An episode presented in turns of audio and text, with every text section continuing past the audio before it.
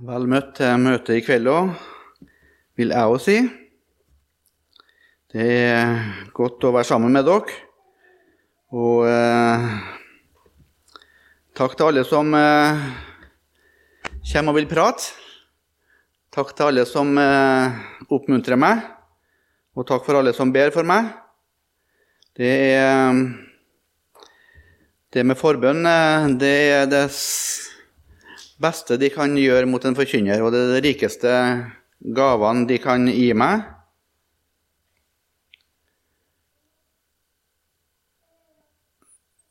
Jeg har hele livet fått eh, vokse opp eh, blant dette misjonsfolket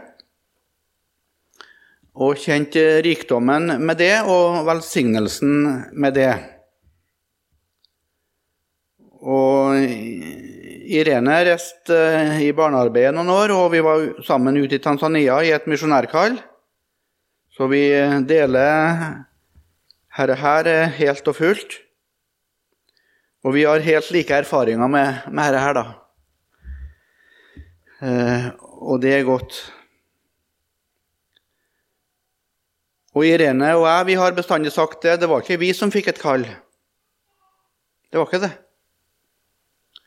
Det var ikke Irene og meg som fikk et kall. Men vi vokste opp mellom et misjonsfolk som hadde et kall. De hadde lest noe. De hadde hørt noe. Og så hadde de blitt grepet. Og så hadde de lest det at det budskapet som de nå har hørt sjøl, og som har fått gripe dere, det budskapet skal ut til hele verden. Men så la de seg ikke til rette for alle de troende hjemme i Melhus og hjemme på Rødde. Snekkeren måtte bli i sitt snekkerkall, og, og, læreren var rolig for å fortsette i lærerjobben. og Bonden hadde sin jord å gå ut til. Men eh, det var noe inni dem som eh, kalte dem ut, liksom.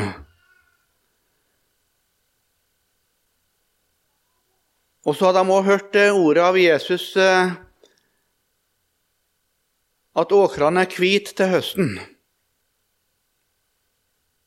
Og de hadde hørt det at be derfor høstens herre, at han må drive arbeidere ut til sin høst. Så ble det ei veldig konkret bønn for en del av misjonsfolket også hjemme i Trøndelag og i Melhus og på Rødde, der jeg vokste opp. Be derfor høstens herre, at han må drive arbeidere ut til sin høst. Og det her, Irene og jeg, kjenner at våre liv kommer inn i bildet da. Vi er frambedt av et folk, av et misjonsfolk, som hadde et kall. Vi er frambedt for å realisere deres kall.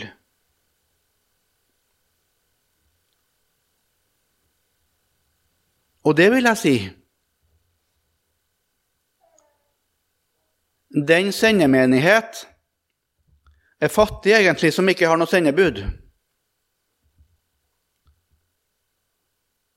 Og ifra vårt synspunkt det sendebud er fattig, som ikke har en sendemenighet.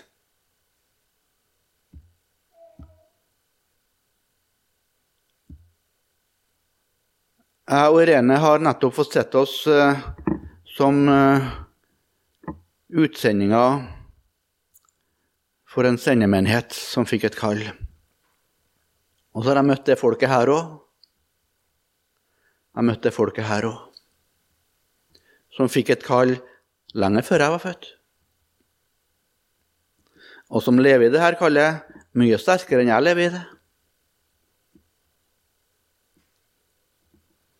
Og så blir det et underlig samfunn og et underlig fellesskap mellom sendebud og sendemenighet. Det er så nydelig ordna. Hvem er det ordna av? Det er ordna av han som eier grøa, som det står. eller på bokmål høstens herre.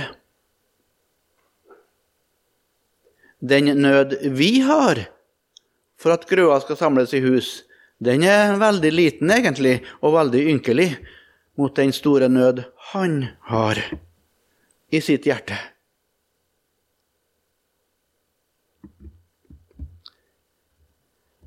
Så jeg vil ha lyst til å takke dere hver enkelt som ser på dere sjøl som sendemenighet, og som kjenner på ansvaret for dem som reiser rundt.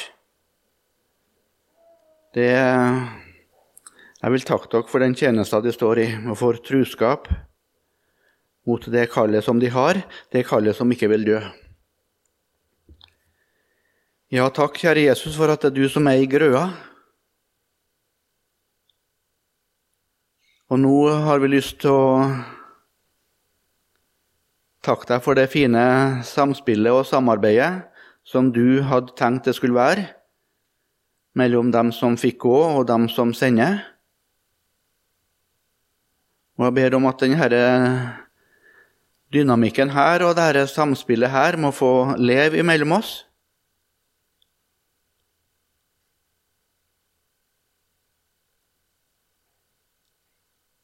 Og at du må få bevare oss i dette samfunnet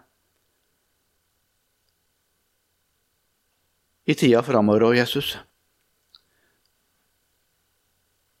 Takk for formaninga du møtte oss med til åpning om at det er en som vil ødelegge. Vi roper til deg, Jesus, og ber om at du må forbarme deg over ditt flokk og over din menighet, også på dette huset. Velsigne oss nå, Jesus, når vi skal lese ditt ord.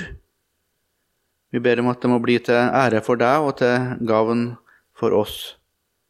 Vi ber i ditt navn. Amen.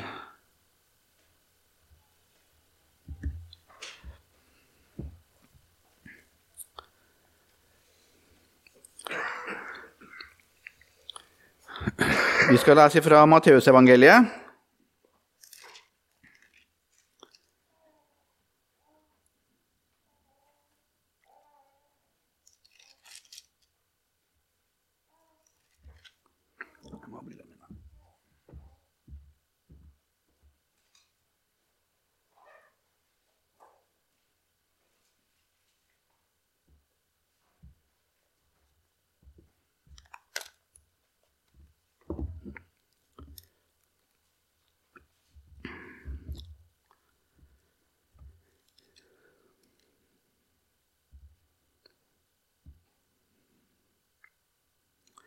Matteusevangeliet kapittel 20 og vers 18. Vi var inne på dette verset sånn som Markus gjengir det på mandagskvelden. Vi leste likevel sammen nå her i kveld. Se, vi går opp til Jerusalem. Se, vi går opp til Jerusalem.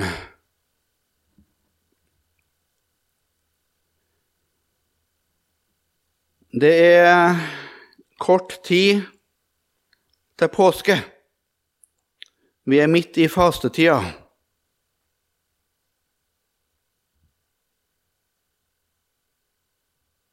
Markerer du fasten?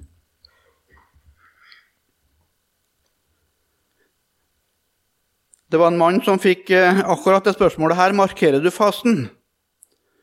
Og så sa han ja, nja Vi prøver å markere feittirsdagen, sa han. Det var jo også en måte å se det på. Og det er jo ikke så høy bevissthet omkring dette her i dag. Kanskje var det mer for 50 år siden, jeg vet ikke. Jeg så i annonse, et annonseark fra var det Coop Extra, da? Der sto det 'kjøp feitirsdagsmat til hele uka'. De har heller ikke forstått det som er tanken bak, da. Hva er det for noe? Hva er fasten for noe? Ja, det å faste, det å si nei til på en måte rettigheter som du vanligvis har, for å konsentrere seg om noe som var viktigere, og, og den åndelige dimensjonen. Det er jo noe som eh, Bibelen snakker mange plasser om. Og det tror jeg vi har et veldig behov for i dag, når det er så mange som roper på oss, og så mange som vil ha oppmerksomheten vår. Og det er så lett at hjertet blir tatt av de mange ting. Så tror jeg det er det med den eh, hellige konsentrasjonen og det å snevre inn og skru av noen knapper og snu, skru av noen skjermer og, og, og, og, gjøre det litt enklere i hverdagen, både kanskje med matstell og, ferieturer og, fornøyelsesliv og, alt sammen, det tror jeg det kan være sunt å, å bruke litt tid på å tenke gjennom. Men den 40 dager lange fasten før første påskedag, finner vi noe om den i Skriften? Nei. Det er 100% menneskebud. 40 dager det er jo etter mønster av at Jesus fasta 40 dager før eh, han ble frista av Satan. Men det står ingenting i Skriften om en sånn periode før påske. Også denne tingen har vi i den lutherske kirka i Norge arva fra de 500 årene den norske kirke var ei romersk-katolsk kirke. Der eh, hadde fasen, og der har fasen, en mye større plass enn den har hos oss. da. 40 hverdager før påske. Søndagene var ikke regna med fast, som fastedag. Så det er altså seks dager i den stille uke, seks dager i uka før, og så seks uker da, Seks ganger seks er 36. Så har du lørdagen i den sjuende uka før påske, fredagen, torsdagen og onsdagen. Fire dager. Pluss 36, det blir 40. Det er fasteperioden. Så fasten begynner altså hvert, hvert år på en onsdag. Og hva kalles den dagen, liksom på kirkekalenderne? Det er askeonsdag. Men så er dagene foran nå noen navn. Tirsdagen heter Feittirsdag. Mandagen heter Blåmandag. Og søndagen på offisielle kalendere det er fastelavnssøndagen, men det gamle navnet på søndagen, altså siste søndag før påske, det var flesksøndag. Det var stor forskjell på søndag og hverdag før. Veldig stor forskjell på maten på søndag og maten på hverdag. Vi vil ha festlige hverdager og, festlige, og hverdagslige fester. Det jammer seg liksom ut til oss. Før var det mer sånn. Så siste søndagen før faste, da åt de, altså. Og fordi de motsa nesten fra sans og samling, så ble mandagen en hva for noe? En blåmandag. Da var det mange som nesten ikke kom seg opp av senga. På tirsdagen så ble det liv i de fleste, og da kom de seg opp. Og Da samla de sammen alt flesket og alt, all feitmaten fra søndagen, restene. Så var det feittirsdag. Det var liksom siste dagen å fylle opp lagrene, da. For fasen begynte om onsdagen. Flesksøndag, blåmandag, feittirsdag. Og så var det, gikk du inn i fasten. I de katolske landene her, som hadde en veldig sterk tradisjon for faste, så hadde de også karneval. Hva betyr ordet karneval? Det betyr farvel kjøtt. Ja, farvel kjøtt. Det var det du sa når du gikk inn i fasen.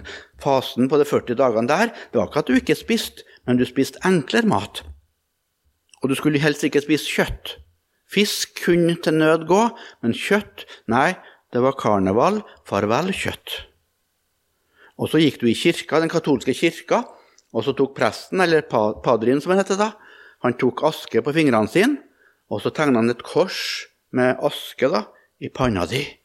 Det var liksom tegnet på det, det gamle botstegnet. Ut ifra uttrykket å kle seg i sekk og aske som eh, viste at du på en måte søkte Gud med en ny hengivenhet. på en måte da. en ny iver. De 40 siste dagene. Og hva var tanken bak? Jo, tanken bak var det bibelordet vi leste nå. Se, vi går opp til Jerusalem. Tanken var å innvie seg til den siste perioden før påske, så du kunne følge Jesus på hans gang. Dag for dag og steg for steg. Fra Jeriko opp til 1000 høydemeteren, opp til Jerusalem, til hans lidelse og død. Som sagt, fasten har ikke hatt så stor plass i de lutherske sammenhengene. Det å si nei til visse typer mat og sånn. Men vi har hatt en sterk tradisjon for fastesangene og fastebøkene. Det har vært på en måte vår greie. Har du noen av de gamle fastebøkene hjemme, kanskje? I bokhylla di? Eller i boksamlinga di fra foreldrene dine? Det er vel verdt å ta fram de gamle fastebøkene. Det er på en måte litt utvida andakter. Ofte er det ca. 40 i tallet, så du bruker som en andaktsbok i fastetida. Kanskje den mest kjente her i Norge, og mest elska. Den eh, danske presten Andreas Fibiger som skrev boka 'Guds lam'. Har du den? En mektig bok. Fredrik Wisløff har skrevet ei lita perle av ei bok med ham til Golgata. Tore Tungland, 'Under korset'. David Hedegård, den svenske teologen. 'Smertenes mann'. Per Lønning, 'Med Jesus gjennom fasten'. Mange sånne bøker. Her på, en måte kjenner vi oss da i Bedehus-Norge mer på hjemmebane. Det er to og en halv uke igjen. Det er ikke for sent å plukke fram ei fastebok. Se, vi går opp til Jerusalem, sa Jesus. Han sa altså 'vi' går opp. Han sa ikke det. Det her er min kamp, og den må jeg egentlig kjempe alene. Nå kan du, eh, Peter, dra tilbake til fiskebåten din i Kapernaum. Og du, Matteus, du kan eh, gå tilbake til tollboa det her nå neste ukene. Hver mann kan egentlig gå tilbake til sin jobb. Så skal jeg kalle dere sammen igjen etter oppstandelsen. Nei, han sa ikke det. Han sa, 'Se, vi går opp til Jerusalem'. Det er helt tydelig at Jesus ville ha sine med på sin vandring opp. Han ville ha sine rundt seg, han ville ha sine med seg. Og vi kan spørre hvorfor ville Jesus ha sine med seg.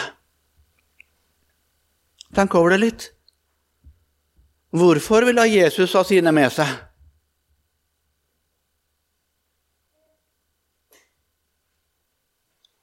Ja, det er jo kanskje lett å tenke sånn at eh, nå når Jesus visste at han sto framfor eh, sitt livs tyngste time så hadde det vært godt om at noen kunne stå skulder ved skulder med han. Jesus var sann Gud, ja, men han var også sant menneske. Han var sant menneske. Han kunne være redd, han kunne være sliten, han kunne være tørst.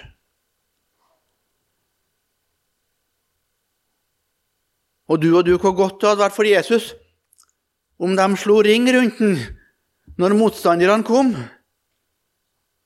De hadde jo store ord, disiplene. De sa jo at de skulle stå last og brast med en. Og det var ikke bare Peter som sa det. Det er han som tydelig, tydeligst var framst i rekka, da. Men alle sa jo at de til og med var villige til å dø for Jesus. Men Jesus visste det var tomme ord. Jesus visste at det var tomme ord, og han forutsa deres svik og deres fall. Han visste at det ikke var noe hjelp å hente fra dem. Han prøvde å få dem med. Bli her og våk med meg. Og når han kom tilbake etter en time da, i bønnekamp, og finner dem sovende, så er det en liten brodd i ordene hans. Var dere ikke i stand til å våke med meg én time?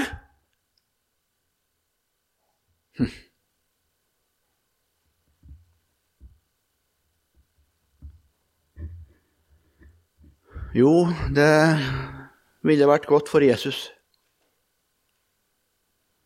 Men du, kanskje var det Guds visdom at det nettopp ikke skulle være noen som hjalp Jesus denne natta og disse morgenstimene.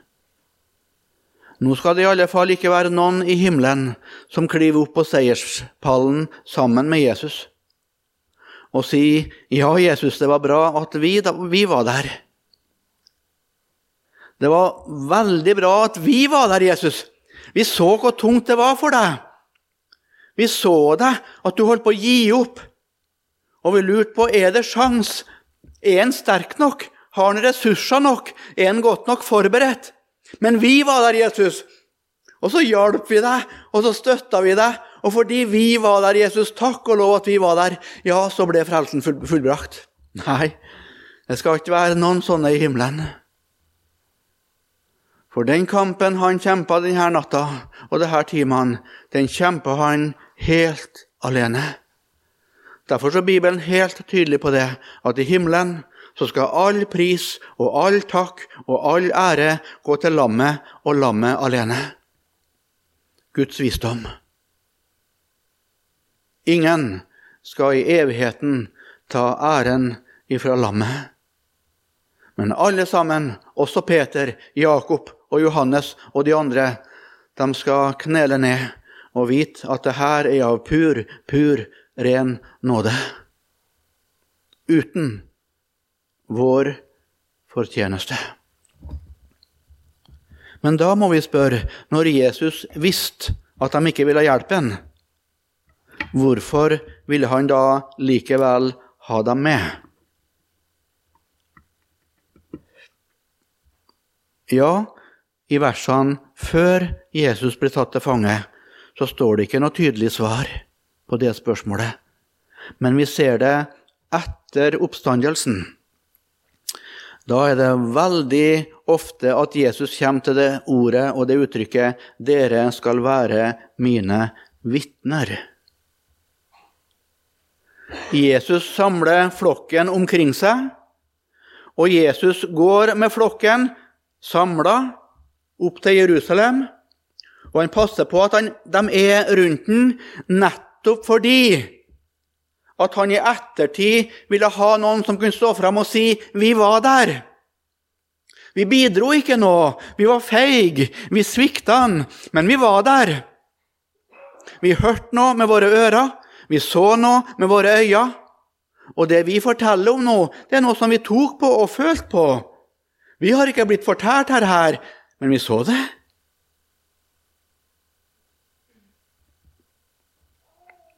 Og disiplene sa, når kampen møtte dem i tida etter pinse, og trusselen om fengsel og martyrdom hang over dem, da sa de vi kan ikke la være å fortelle om det vi har sett og hørt. De har sett noe, og det de så og det de hørte, greip dem på en sånn måte at det ble livsforvandlende og styrt deres kurs og deres valg. Det var det Jesus ville. Han måtte ha noen som kunne stå fram og si 'Vi var der'. Og Vi ser det veldig, veldig tydelig i de versene som står om det som skjedde når disippelflokken skulle velge en etterfølger eller en, en, en i stedet for Judas. Judas gikk og gjorde slutt på sitt liv. Nå var det bare elleve igjen, og de visste vi må ha nummer tolv. Vi må velge ut én til å ta Judas sin plass. Husker du hvordan de tenkte da, og hvordan de snakka da? Jo, de sa det. En av de menn som har gått ut og inn mellom oss, helt ifra den dagen han ble døpt i elven Jordan, altså starten av Jesu offisielle gjerning. Gått ut og inn imellom oss, helt fra den dagen han ble døpt i elven Jordan, og helt til den dagen da han ble tatt opp fra oss til himmelen fra Oljeberget. En av de menn skal i dag ta Judas sin plass. Og av den store flokken på 120 disipler så var det faktisk bare to stykker som tilfredsstilte de strenge, strenge kravene om å være et øyenvitne fra første til siste dag av Jesu tjeneste her på jord. To mann. En av dem ble valgt. Det måtte være et øyenvitne. Er det noen her som har sittet i en jury? Har du det? Ja? Andre? Nei? Ja? Flere? Jeg har ikke gjort det. Men det er jo sånn. Det er jo aktoratet som fører saken, da. Og de har jo forberedt seg godt. Og aktoratet sine dyktige advokater de fører saken på en nydelig måte. Og juryen da, som sitter og skal avgjøre skyldspørsmålet, da, for eller imot, skyldig eller ikke skyldig, de hører på aktoratet og Ja, det høres rett ut, herre, ja. Men det er to sider her. Forsvaret òg har dyktige advokater. Så reiser de seg. Og de første argumentene blir møtt med motargument. Og så syns juryen at det sannelig var De har noen poeng, dem òg. Og så er det ikke så lett for juryen å, å avgjøre, da. Hva skjedde egentlig? Men når øyenvitnet kalles inn, og når øyenvitnet legger handa på Bibelen og tas i ed, da tror jeg nok juryen følger godt med. Her er det en eller ei som har sett noe, altså. Som kan ikke komme med skarpe og skarpsindige argument, men eh, som kan vitne enkelt om hva som skjedde. Et argument møtes lett med et motargument, men hva skal du møte et vitnesbyrd med? Det bærer ofte ei kraft med seg. Og så var det akkurat det Jesus ville at hans disipler skulle være øyenvitner. Og nå må du høre. Hva har dette med meg å gjøre, sier du kanskje? Jo, det har veldig mye med deg å gjøre. For det er akkurat sånn Jesus tenker i dag òg. Også i dag vil Jesus ha sine disipler med til Golgata. I dag vil Jesus ved sin Hellige Ånd, ved sitt ord, gi deg noen glimt inn i Jesu lidelse og død. Så du, etter møtet her, og etter de stund i lønnkammeret, og etter ditt bibelstudium, At du kan gå ut i din hverdag og helt enkelt vitne om det du har sett og hørt. Det ordet skal ikke vende tomt tilbake. Også i dag gjelder altså ordene til Jesus. Se, vi går opp til Jerusalem. Skal vi prøve å føre noen skritt i kveld på hans vandring?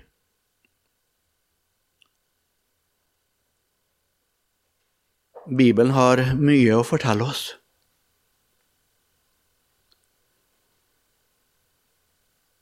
Påskedagene i Jerusalem De tar i alle evangeliene en ganske stor plass i hele evangeliet. Det er ikke så mye fra barneårene til Jesus. Det er ikke så mye om ungdomsårene heller, eller 20-årene. Det blir litt mer fra 30 og utover. Men de tre årene i offentlig tjeneste òg.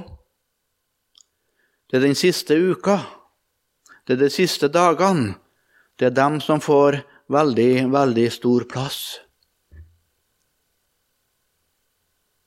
Men sjøl om eh, versene er mange, og det er tydelig at de dagene, dagene er veldig viktige, så det er skrevet i et veldig kortfatta språk, egentlig. Veldig konsentrert. Det sies ifra Getsemane at angst og forferdelse kom over ham. Angst og forferdelse. Og så sier han, 'Jeg er bedrøvet inntil døden'. Inntil døden. Jesus visste ikke helt, men overlevde Getsemane. Forferdelsen i møte med det han visste skulle komme, angsten for det som skulle komme, og bevisstheten om det som nå lå foran, den var så stor og så overveldende at han måtte be far om å slippe det som lå foran. Er det mulig, far, så la denne kalken gå meg forbi. Jo, jeg vet jeg lovte der i evighet og at jeg skulle bære all verdens synd. Men eh, jeg trodde ikke det var så mye, far. Jeg vet ikke helt om jeg greier det. Har du en annen mulighet, og har du en annen vei, så må du bruke den andre veien og la meg slippe. Men heldigvis så la han til de ordene som eh, vi skal takke han for en hel evighet. Ikke som jeg vil, far, men som du vil. Jeg sa at Jesus ba i tre timer. Var dere ikke i stand til å våke én time med meg, sier han etter den første bolken. Og så gikk han bort for andre gang og ba de samme ord. Og så gikk han ut en tredje gang og ba de samme ord igjen. Tre hele timer. Veldig lite er gjengitt i Bibelen vår fra den bønnekampen der på tre timer, men én eller to setninger er med ifra hver av de tre bolkene. Og Hvis du sammenligner det som er gjengitt i evangeliene da, Sammenligner det Jesus sa i den første timen, og i den andre timen og i den tredje timen, så ser du at Jesus i hele sin person blir mer og mer overgitt til Guds vilje. Bønna om å få slippe, den blir liksom svakere og svakere utover i nattetimene. Han fikk ikke noe gratis. Men det var noe som skjedde i Jesus. I hans tanke, i hans liv, i hans erkjennelse. I nærkampen med far. Og når han reiser seg etter den tredje timen i bønn, da ser han seg ikke lenger tilbake. Da er kampen utkjempa. Smerten lå enda foran. Blodet har ikke rundet enda, men kampen i Jesu hjerte, den var over, og han går rolig sine fiender i møte. Hvem leter dere etter?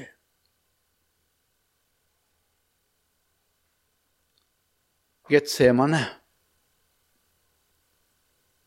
noe av de sterkeste og vakreste og mest inderlige fastesangene og påskesangene. Det er skrevet ifra de dunkle skyggene av oliventrærne i denne hagen.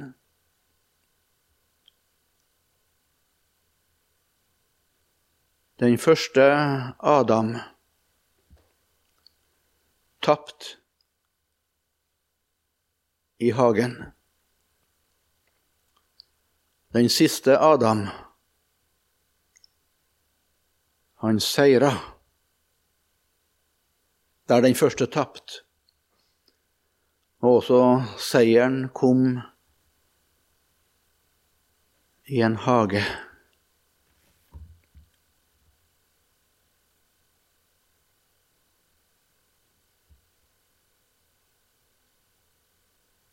Den neste setningen vi skal lese,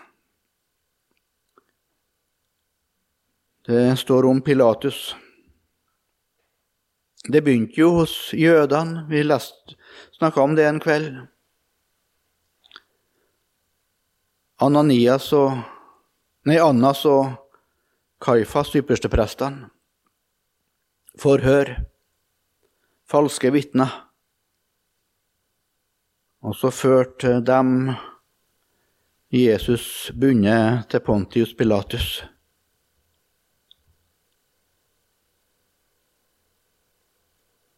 Det er et ynkelig bilde som tegnes av Pontius Pilatus. Han var overbevist om at Jesus var uskyldig.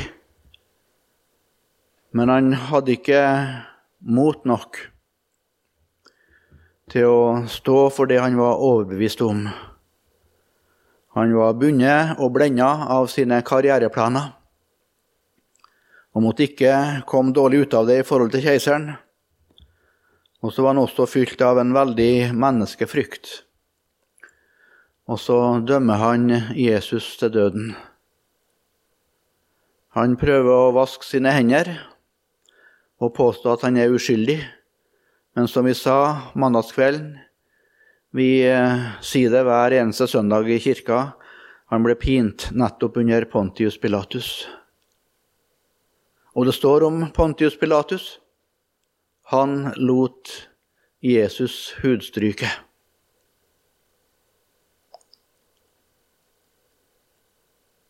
Klærne flerra av Jesus, han står bare i lendeklede. Og så blir hendene bundet til en pæl i bakken. Så ryggen er bøyd og skinnet stramt. Og så er det én soldat, én romersk soldat på hver side. Med de lange piskene av rå oksehud. Hudstrykningene var 40 slag. Det var helt på grensa av det en mann kunne tåle. Romerne i et eh, underlig forsøk på å være rettferdig og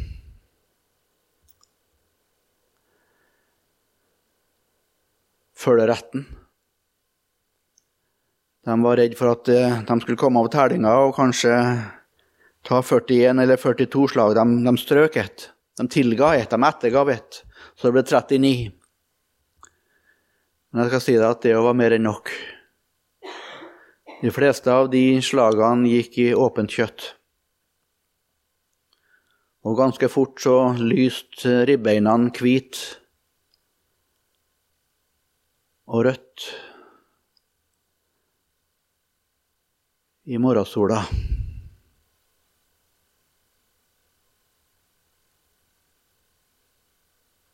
Hva er det som skjer? Den rene den hellige. Han som i tre år hadde gått rundt og gjort vel. Han lar seg herje med av råe, brutale okkupantsoldater.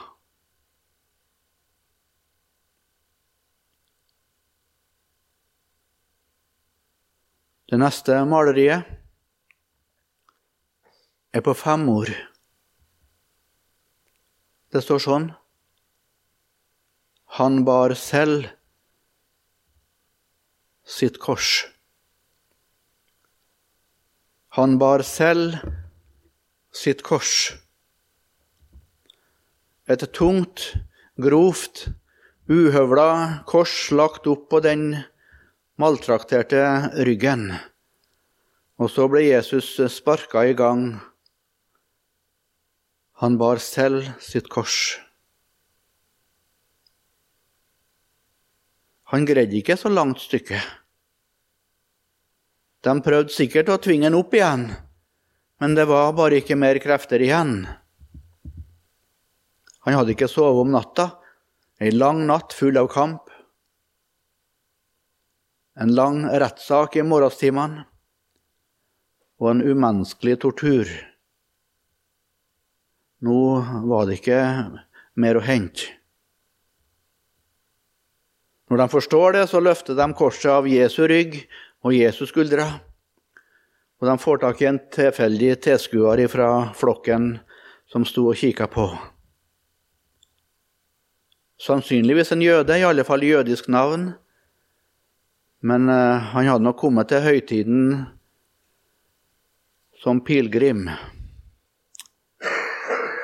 Han heter Simon og hadde bostedet sitt i dagens Libya, i et område som heter Kyrene. Jeg syns jo på en måte det er fint å tenke på at det var en afrikaner som bar Jesu kors. Men det første stykket, altså, så bar han selv sitt kors.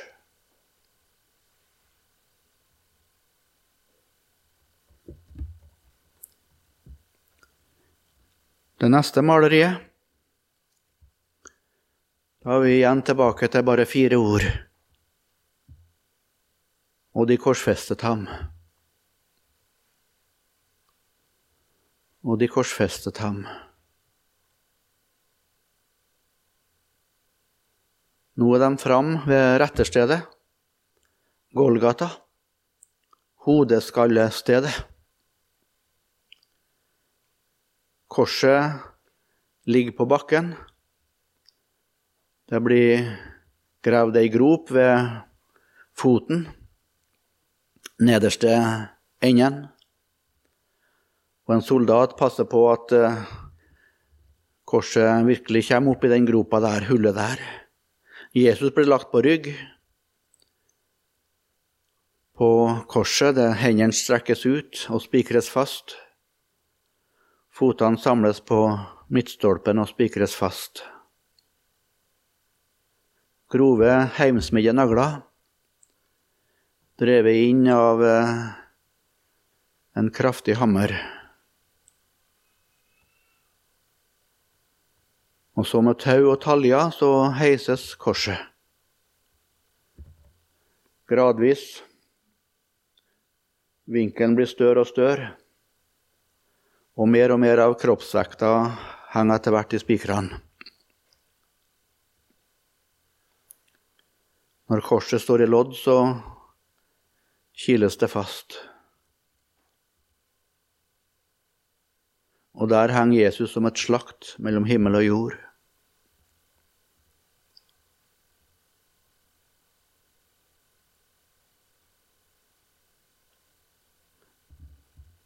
Der er Guds lam som bærer verdens synd.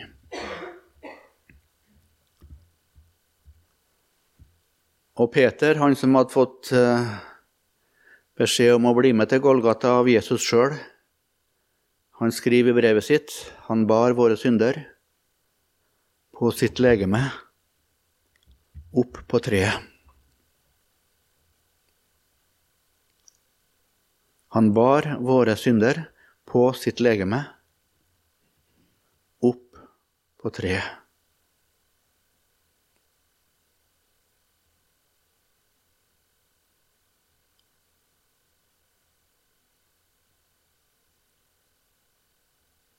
Neste maleri er på Niord.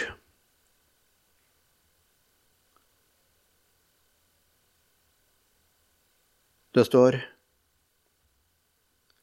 Min Gud, min Gud, hvorfor har du forlatt meg?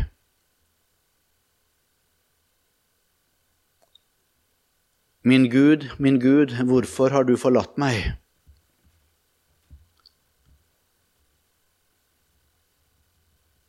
Er det det her maleriet som er det styggeste? Groveste? Mest smertefulle? Jeg tror det. Min Gud, min Gud, hvorfor har du forlatt meg? Vet du, Vi har sånne språk og uttrykk i språket vårt, ord og uttrykk i språket vårt som viser at vi har ikke forstått alt. Vi sier eh, 'barnet som Gud glemte'. Det finnes ikke noe sånt barn i verden. Vi sier 'en gudsforlatt plass'. Det finnes ikke noe sånn en plass. Vet du, du kan bruke hele resten av ditt liv, du, på å forbanne Jesu navn. Du kan innvie alt du har av penger og talenter og ressurser, alt det du rår over, og så kaste alt i potten og si at alt skal brukes til å motarbeide Jesus, alt som lukter av sann kristendom. Det kan bli din kongstanke resten av ditt liv. Men du kan likevel ikke hindre Gud i hver dag å øse sine velsignelser utover deg. Han lar sola si stå opp over onde og gode, står det. Han lar det regne, og regne velsignelse over rettferdig og urettferdig. Han må elske Han, for han er kjærlighet, og han kan ikke fornekte seg sjøl. Men ett menneske har opplevd at Gud, med alt som godt er, all sin godhet, all sin varme, all sin empati, all sin barmhjertighet og miskunnhet, at Gud trekker seg bort. Og så er det bare mørke og dom og straff. Igjen, ett menneske har opplevd det, og det var han som samtidig var Guds egen sønn. Min Gud, min Gud, hvorfor har du forlatt meg? Forlatt du òg av dine ble. Ja, av din Fader med. Og aldri jeg utgrunne kan hva da ditt hjerte led. Ser du din frelser på korset? Ser du den kamp han har? ensom, forlatt av alle, ja, av sin egen far. Det var for dine synder at han på korset hang, kun for å frelse verden fra nød og undergang.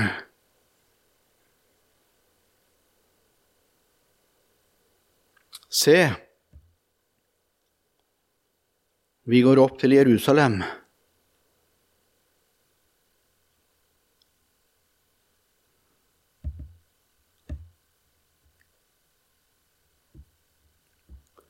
Syns du Bibelen tegner fine bilder for deg? Eller er det stygge bilder?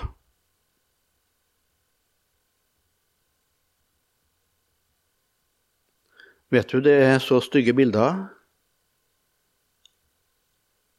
at jeg er nesten glad det ikke er barn i salen.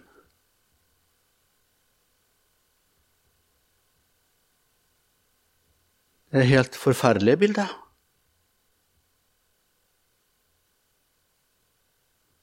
Men du som lever med Jesus, merker du en skjønnhet i dem? Gjør du det?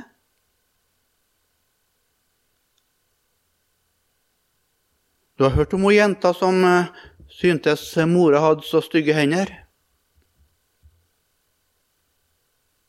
Den er fortalt på mange, mange bedehus, sikkert her òg. Jeg tar den med likevel. Som jeg hørte historien, så var hun 11-12 år, denne jenta. Hun hadde hele barndommen og hele oppveksten hatt et veldig, veldig godt forhold til mor. Nå merka mor at eh, det hadde kommet inn noe. Og mor kjente på det at det var ikke den vanlige løsrivelsen som kommer i i alle eh, unge tenåringer sitt liv. Det med må bli et selvstendig menneske og, og, og, og finne seg sjøl og finne sin vei. Mor trodde det var noe mer. Og det viste seg at det var noe mer. Og En dag ved frokosten det var bare dem to til stede, og så fikk de en god prat. Og Jenta var ærlig. Hun Hun sa det rett ut. 'Mor, du har så stygge hender.' Og mor hadde faktisk stygge hender. Hendene til mor var liksom ikke som hendene til andre mødre. Skinnet var så rødt og strekt og arrete. Og det var, det var, ikke full følelighet i fingrene. Noen av fingrene var nesten som, som klør. Og det røde og, og årene, det var ikke bare her, men det var liksom oppover, helt til albuen og helt opp til der kjoletøyet begynte. Du har så stygge hender, mor. Og så ble herre sjansen som mora hadde bedt om å få, lengta etter å få. Sjansen til å fortelle jenta si hvorfor hun hadde stygge hender. Og så fortalte hun om brannen i huset når jenta bare var en liten spedunge. Mor vokta midt på natta, og det var røyk og ild og glør overalt. Hun kommer seg ut av senga og ut av rommet og ut av leiligheten, ut på plena. Og så er det først der hun kommer på jenta si. Om hun hadde et pledd eller et plagg, det vet jeg men hun hadde et eller annet over hodet, og så, og så sprang hun rett inn i flammene.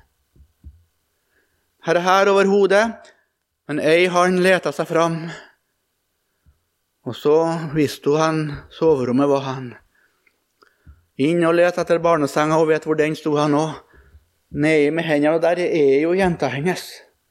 Får hun inn under plagget, og så med den andre handa finner seg vei ut igjen. På nytt gjennom ilden. Jenta var jo nesten uskadd. Men mor hadde fått stygge, stygge tredjegrads forbrenningssår på begge armene. Lange sykehusopphold, hudtransplantasjoner. Jo da, hun berga alle ledd. Hun berga en viss følelighet, men hun var jo merka for livet.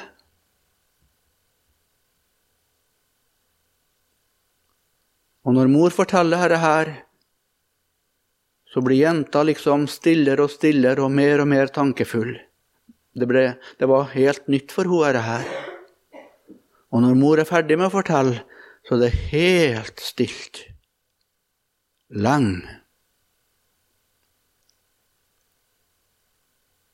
Og så ser mor at uh, handa til jenta kommer over bordet. Skubber til sides uh, leverpostei og brunost, og så strekker seg helt fram til mor sine hender. Og så begynner jenta si hand å stryke her stygge hendene til mor. Stryk og stryk og stryk og stryk. Og så sier jenta til slutt, 'Mor, hvor fine hender du har.' Var de fine? Like stygge i dag òg. Men i jentas tanke nå, i jentas sinn, i jentas erkjennelse, i jentas verden, i jentas bevissthet, så hadde verdens nydeligste hender. For hun så at det var det her merka hendene som var grunnen til at hun faktisk var i live.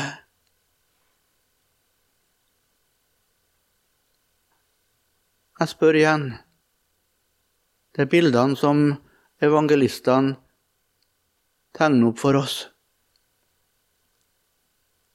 Er det vakre bilder eller stygge bilder?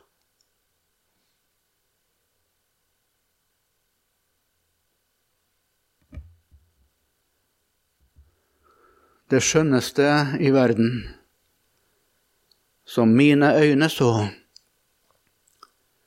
det er kongen i hans skjønnhet med tornekronen på. Eg stend og ser på ei nagla hand, Min frelsar, det var for meg. Og de får eg ikkje anna kan enn tilbe og elska deg. Se, vi går opp til Jerusalem.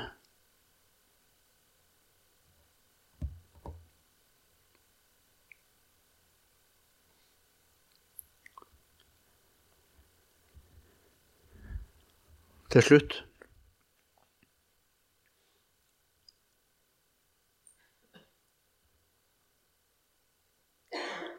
Når Jesus bar sitt kors så var det noen kvinner der ved veien som gråt over Jesus. Husker du hva Jesus sa til dem? Han sa, 'Gråt ikke over meg, men gråt over dere selv og deres barn.' Jeg tror på en måte Jesus sier det samme til oss i dag. Jesu lidelse, det er ikke tegna opp for oss, først og fremst for at vi skal kjenne på en medlidenhet mot Jesus. Gråt ikke over meg, sa han. Men Kristian, gråt over deg sjøl. Gråt over din synd og gråt over dine barn, og gråt over dine barns synder. Og så må du komme til meg, Kristian.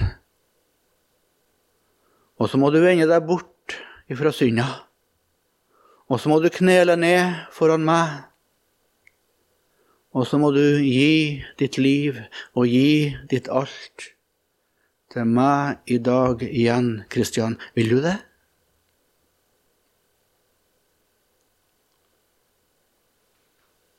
hvis Jesu lidelse og død får åpne mine øyne og dine øyne for vår synd, og at det var vår synd som drev Jesus i døden. Og hvis det synet her får drive oss inn i anger og nød og gråt over vår lunkenhet, og over vår kulde. Ja, da har Jesu lidelse i kveld sannhet i sannhet fått bli til velsignelse for oss.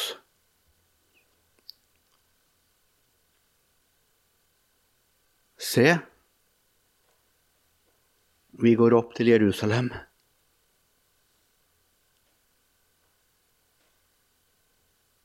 god faste.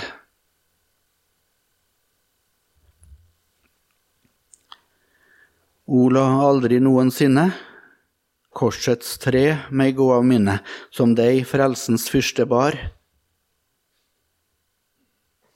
Men la kors og død og smerte tale, rope i mitt hjerte hva min frelse kostet har. du som kalken for meg drakk. Kjære Jesus, evig takk. Amen.